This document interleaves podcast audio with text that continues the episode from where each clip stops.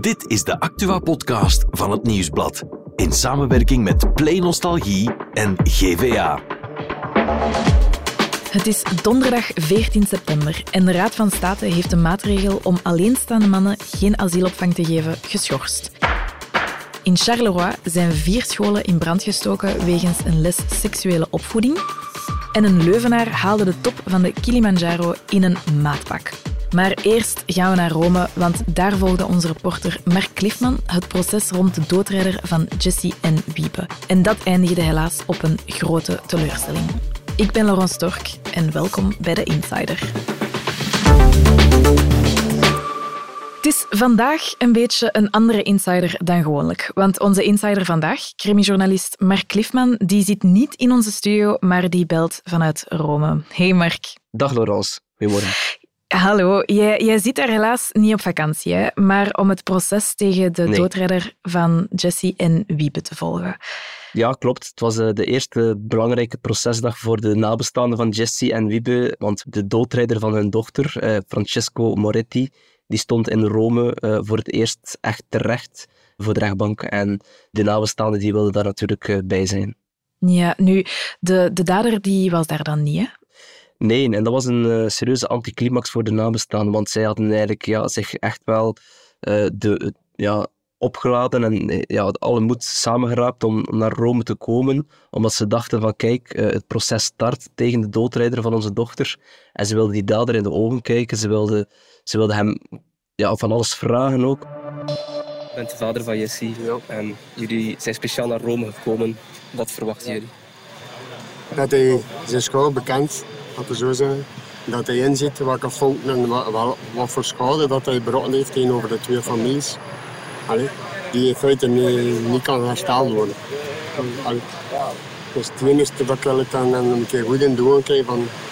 Ik vind, hey, aan toeren is hij 53 jaar. Dus eh kon zijn dochter zijn, manier van spreken. Ja, we hoorden net een duidelijk gebroken papa van Jesse voor het proces. Eh Mark, jij kon eventjes met hem babbelen. Maar ik denk dat je mij en de luisteraars even terug moet nemen in de tijd, zo'n jaar geleden. Want waarover gaat die zaak nu precies?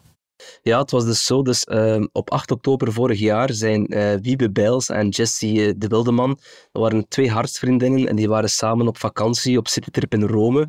Ehm, ze wilden daar gewoon enkele dagen ja, plezier maken, eh, gewoon een fijne tijd beleven. Dus ze waren naar het Vaticaan geweest. Een Alle grote dingen gezien eigenlijk. Ja, voilà, ze hadden alle leuke dingen gedaan.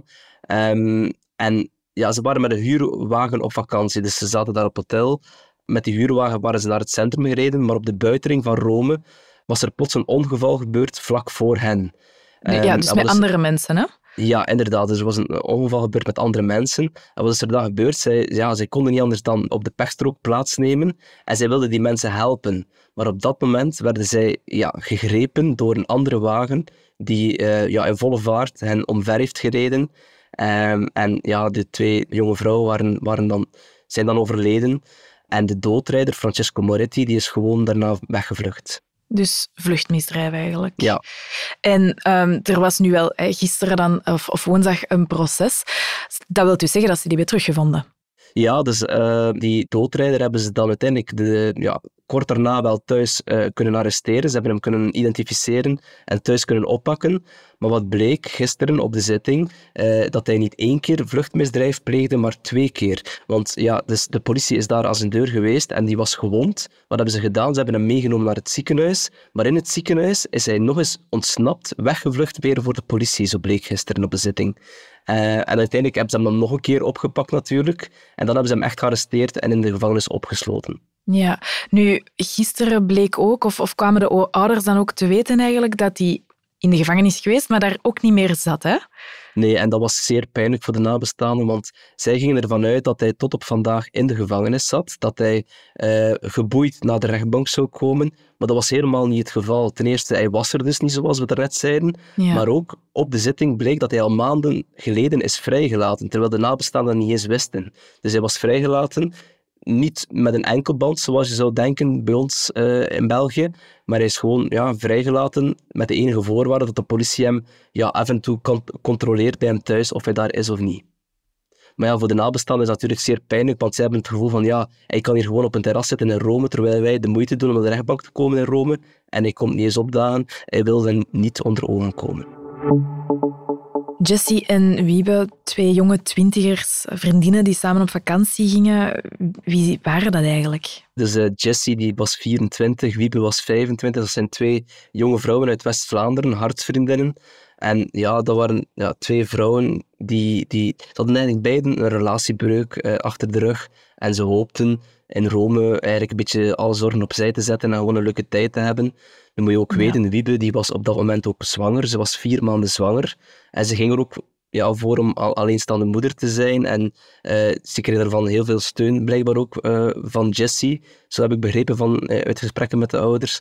En ja, dat waren eigenlijk twee mensen, die twee jonge vrouwen, die ook altijd klaar stonden voor iedereen. En net dat maakt het wel heel pijnlijk, vinden de familieleden. Want ja, op het moment van het ongeval ja, mm wilden zij die mensen helpen bij het ongeval dat voor hen gebeurd was.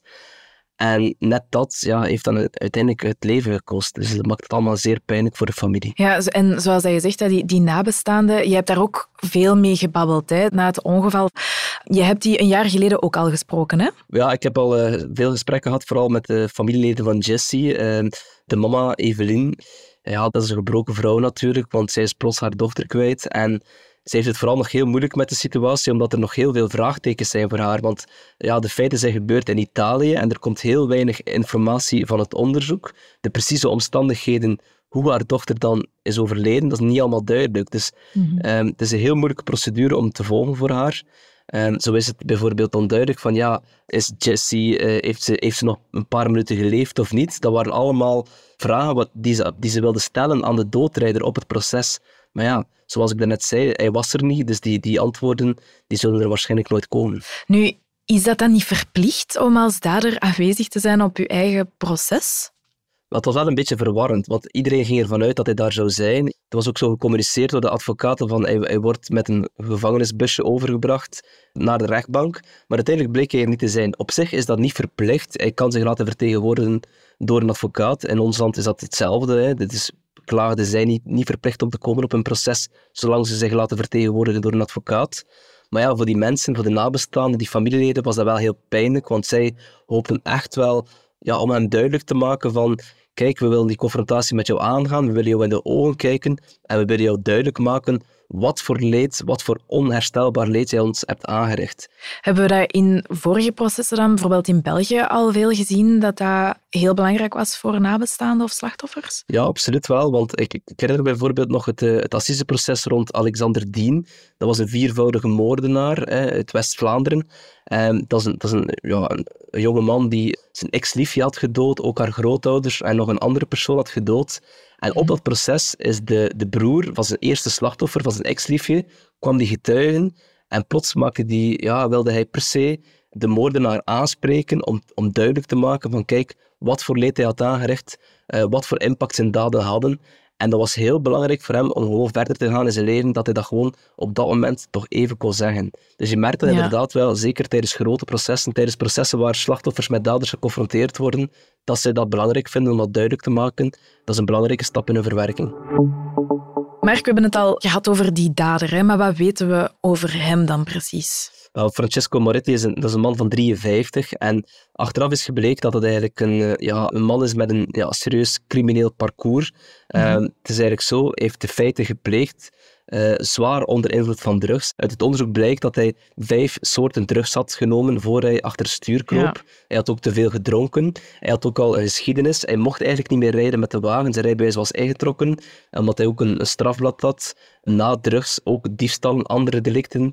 En ja, dat is mhm. een persoon die eigenlijk nooit meer achter het stuur mocht kruipen. En toch heeft hij, ja, heeft hij de auto genomen die bewuste dag, zwaar onder invloed van drank en drugs, en heeft hij uiteindelijk de meisjes aangereden. Ja, nu, dat proces is dan even uitgesteld, maar dat wil niet zeggen dat er geen proces meer komt. Hè? Maar het is een beetje dubbel achteraf gezien. Het is zo, dus de, de dader zelf die hoopte nu met een snel proces, hoopte eigenlijk een soort, ja, een soort strafvermindering te krijgen. Dus als er dan snel, een, uh, als snel de schuld was vastgesteld, hoopt hij gewoon een lagere straf te krijgen.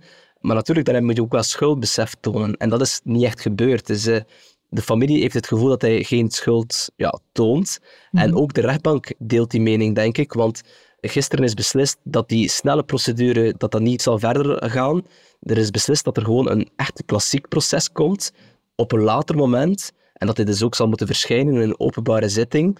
En voor hem is het wel zeer nadelig, want hij riskeert dan ook een zwaardere straf. Dus hij zal minder kans maken op een strafkorting, zoals dat heet in Italië.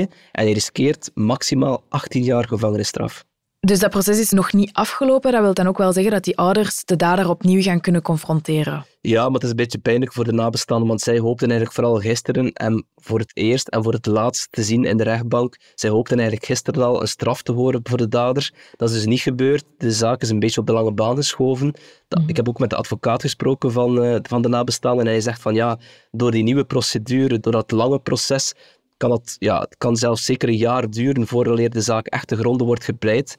En de nabestaanden, allee, zeker de familie van Jesse, die hebben er nu genoeg van. Die willen, niet, niet ja. ja. die willen gewoon niet meer terugkeren naar Rome. Die willen daar nooit meer komen eigenlijk. Dus zij gaan er niet meer bij zijn. Nee, zij zullen zich dan gewoon laten vertegenwoordigen door een advocaat daar dan. Ja, zo, zo daar lijkt het op. Ja, dat is eigenlijk een, een heel trist verhaal en het ziet er naar uit dat het uh, nog heel lang zal duren. Hè. Dank je wel, Mark, om eventjes in te bellen vanuit Rome. Graag gedaan. Over naar het andere nieuws. Bert, de Raad van State heeft staatssecretaris Nicole de Moor teruggefloten. Ja, een beetje zoals verwacht, kan je wel zeggen. Mm -hmm. het is zo dat Nicole de Moor had aangekondigd dat ze alleenstaande mannen geen asielopvang meer zou aanbieden, want er zijn geen plaatsen meer in België. Mhm. En dan had ze gezegd, ja, gezinnen krijgen voorrang. Um, En we willen eigenlijk officialiseren dat alleenstaande mannen dan geen opvang meer krijgen. En de Raad van State heeft, zoals verwacht, gezegd, ja, dat mag niet. Dat is tegen de rechten van de mens. Mm -hmm. Je moet bed, bad en brood kunnen aanbieden. Wat verandert dat dan nu eigenlijk? Ja, in de praktijk niet zoveel, hè, want um, uiteindelijk uh, is het al zo dat alleenstaande mannen vaak op straat terechtkomen mm -hmm. in België, of toch in een uh, illegaal circuit. Ja. ja, die gaan nu ook gewoon weer op straat terechtkomen, want er zijn gewoon niet genoeg plaatsen. En deze winter zullen ze helaas ook op straat moeten slapen. Dus ja. um, het was vooral een politiek statement. Ja, dus letterlijk en figuurlijk in de kou. Eigenlijk. Ja, inderdaad. Dan moeten we ook even naar Charleroi, want daar zijn vier scholen in brand gestoken. Hè? Ja, opvallend. Hè? Vier ja. kleuterscholen die in brand gestoken zijn. Um, het heeft allemaal te maken met protest tegen Evras. Dat is... -hmm. um, Zeg er eens. Ja, in het Frans. We hebben daarop geoefend. Tolerance, ja. éducation à la vie relationnelle, affectief et seksueel. Mm -hmm. Seksuele opvoeding dus. Ja. Dat is vanaf dit jaar verplicht in het zesde leerjaar en in het vierde middelbaar. Twee uurtjes per schooljaar ja, in. Wallonië. Mm -hmm. Je zou denken, redelijk logisch, want Ja, seksuele nodig, opvoeding, ja. niet onbelangrijk.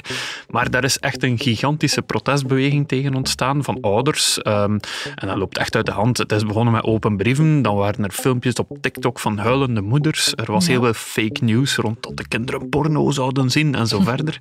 En nu zijn er dus ja, scholen in brand gestoken, wat toch wel een beetje uit de hand loopt. Ja, een heel extreem protest. Nu, er is ook positief nieuws. En ehm, dat gaat over een foto die ik zag passeren. Een opvallende foto van de Kilimanjaro. Ja, daarop staat een man, een Leuvenaar. Hij Mhm. heet Tommaso Bordoni. Ik denk dat hij Italiaanse roots heeft. Ehm, maar het is ook een kleermaker. Mhm. En wat heeft hij gedaan? Die heeft samen met zijn compagnon heeft hij, ehm, de Kilimanjaro beklommen in maatpak. Oké. Ja, dus staat hij helemaal van boven, strak in het pak, met een wit hemdje op de Kilimanjaro. En het moeilijkste was, heeft hij gezegd, dat hemdwit houden.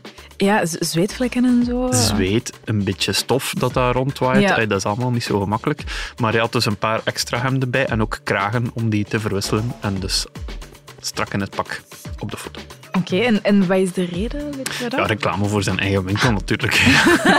Ik denk dat we het niet veel verder moeten Maar extreme vorm van, eh, van publiciteit. Ja, ja, ja, maar kijk, ja, hij komt ermee in de insider. Allee, Ja. Wie kan dat zeggen? Het is dat, inderdaad. Ja. Merci, Bert. Graag gedaan. En dan zijn we er morgen weer met een nieuwe Insider.